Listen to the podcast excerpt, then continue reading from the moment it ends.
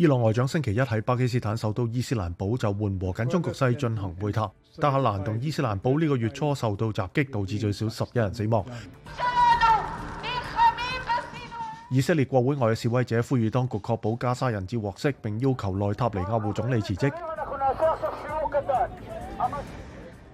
法国农民喺距离巴黎冇几远嘅地点封锁一条高速公路抗议农业监管。示威农民认为要求欧盟放松对休耕农田嘅监管。香港法院星期一下令对恒大集团清盘，但该公司话将继续营运。喺中国经历长达几年嘅房地产危机后，该公司负债几亿美元。意大利总理梅洛尼星期一出席非洲峰会开幕，目的系宣布意大利对非洲嘅宏伟发展计划。当局希望该计划可以阻止移民潮。